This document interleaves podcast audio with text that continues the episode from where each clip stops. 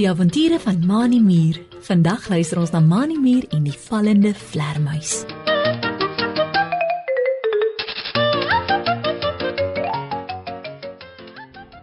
Dit is koud en die windjie waai treurig tussen die bome se takke deur dat dit klink of dit huil. Dit het ook begin reën en die reendruppels val al harder op die blare van die bome. Mani Muur kuier by Driekie Dassie in haar dassie huisie in 'n gat net langs die veldpaadjie. Die twee maats het so lekker gespeel dat voor hulle hul oë kon uitvee, dit donker geword en begin reën het. Driekie het vir Mani gevra om die aand sommer by haar huis oor te bly en daar te slaap. Mani Muur vryf met sy ses rooi muurpotjies teen mekaar om die ergste koue weg te keer. Hy sit op een van Driekie Dassie se donskomberse wat sy van die vere van voëls wat sy in die veld opgetel het, gemaak het. Hoor hoe hard val die druppels op jou huisie se dak? Sê Mani en kyk van die dak van Driekie se huisie na waar sy besig is om vir die twee maats lekker warm sop te maak. Mm, dit klink my asof dit al harder reën, Driekie. Sal dit nie hier by jou huisie inreën nie? Driekie Dassie skud haar kop. Nee, Mani, jy hoef nie bang te wees nie. Antwoord sy en beduie met haar twee wollerige voorpotjies. Ek het slootjies voor my huisie se deur gegrawe sodat die reënwater kan wegloop. Dit het nog nooit hier ingereën nie. Mani Muur bly maar bekommerd en kyk onrustig nou op na die dak waarop die reendruppels al harder val en dan weer na waar Driekie staan en kos maak. Hy wil nie graag nat reën nie. Skielik is daar 'n harde klapgeluid buite op die dak. Mani Muur en Driekie Dassie kyk dadelik op. Dit klink asof iets hard op die dak geval het. Toe is daar 'n gefladder soos van vlerke, 'n rukkie stilte en daar is dit weer. 'n Harde val klapgeluid op die dak van Driekie Dassie se huis. Is dit dalk haal, Driekie? Vra Mani benoud en sy oë is groot oopgerek van bang wees. Driekie Dassie wat opgehou het met die kos maak, vryf haar wollerige potjies skoon met 'n groot stuk blaar. Dit klink nie vir my soos haal nie, Mani. Sê sy en stap na die voordeur van haar huisie toe. Het jy die gefladder gehoor? Dalk het 'n voël in die reën seer gekry en op my huisie se dak geval. Ek gaan gou kyk. Miskien kan ek help. Terwyl sy nog praat, is daar weer klapgeluide op die dak en iets soos die gefladder van vlerke. Wag vir my, ek kom saam, Driekie. Roep Mani Muur en trippel op sy ses rooi meerpotjies agter Driekie aan. Wees versigtig. Net nou is dit iets gevaarliks wat so op jou dak geraas maak. Driekie Dassie haal haar reënjas van die hak af waar dit by die voordeur hang. Trek dit aan en sit haar reënhoed op haar kop. Sy maak die voordeur oop en loer in die reën uit na buite. Mani Muur wat die donskombers waarop hy gesit het oor sy kop gegooi het, gaan staan langs Driekie in die deur. Hey, sien jy iets, Driekie? Vra Mani en probeer oor Driekie se skouer uitloer. Voordat Driekie iets kan antwoord, is daar weer 'n harde klap val geluid en met 'n gefladder val 'n donker gedaante in die modder en reën van die dak af voor Driekie en Mani se voete neer. Die donker gedaante klap wild met sy vlerke ter die reënwater in alle rigtings spat. Die heeltyd maak dit sulke harde skril piep geluide. Mani Muur en Driekie Dassie skrik groot. In die donker en deur die reën kan hulle nie mooi sien wat 'n soort diertjie daar voor hulle in die modder lê nie. Al wat hulle tussen die diertjies gewriemel op die grond kan sien, is twee baie groot ore, lang vlerke wat lyk soos maar vingers met vliesies tussenin en klein uitpeel oë wat die heeltyd knip, knip, knip asof dit nie goed kan sien nie. Skree die diertjie in 'n fyn stemmetjie en hop spring na waar Mani en Driekie nog altyd in die deur van Driekie se huis staan. Help my asseblief. Ek moet uit die reën uitkom. Die reën maak my heeltemal deurmekaar. Mani Muur kyk vraend na Driekie Dassie.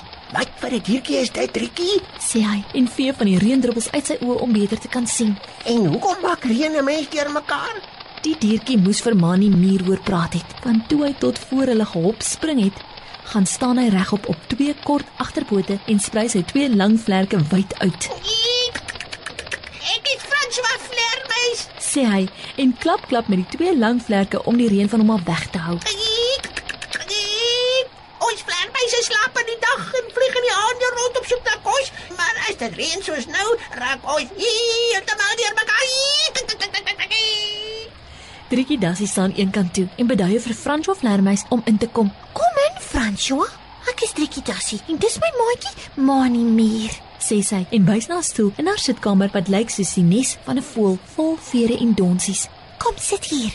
Hoekom sê jy aan mekaar dat die reën jou keer mekaar maak? Reën maak 'n mens net nat, nie deur mekaar nie. Driekie trek haar reënjas uit en hang haar reënhoed aan die hak by die deur.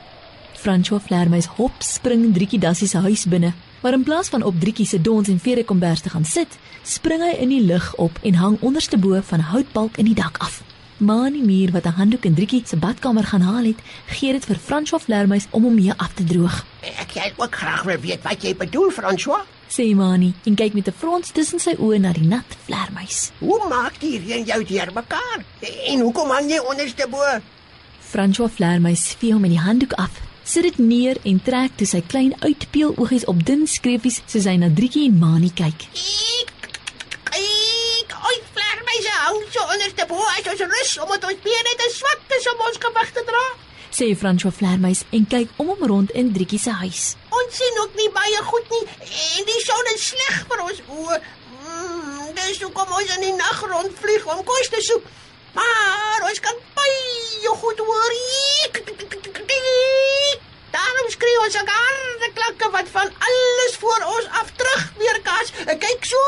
François Vlermuis maak sy bek vol skerp tandjies wyd oop, draai sy kop en skree so hard dat Mani en Driekie hulle ore moet toedruk.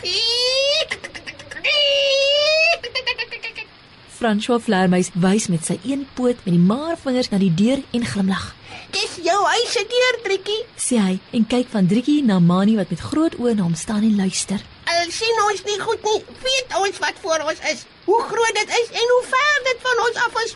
Mm, so sal ons nooit in iemand se huis of in bome vasvlieg nie. Maar as dit reën soos vanaand, maak die baie druppels ons deurmekaar. Dan kom die klanke van al die verskillende kante op ons af en vlieg ons in goed vas. Dis hoekom ek aan mekaar in jou huis se dak vasgevlieg het, Trikkie. Driekie Dassie skud net haar kop. Sy het nie al hierdie dinge van 'n vlermuis geweet nie en was altyd bang vir hulle. Driekie gaan skep van die sop wat sy vir haar en Mani muur gemaak het in drie neutedop bakkies uit en gee een vir Mani en een vir François vlermuis. Hierso François.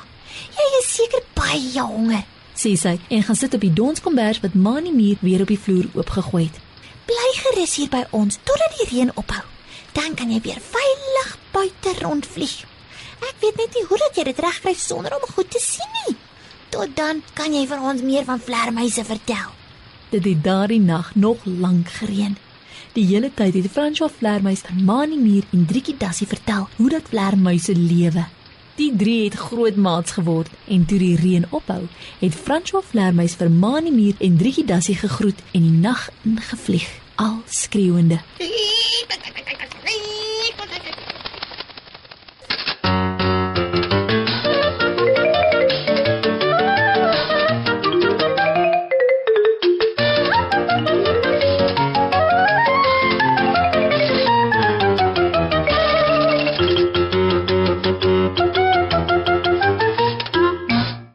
lees in die Bybel in Spreuke 22 vers 9.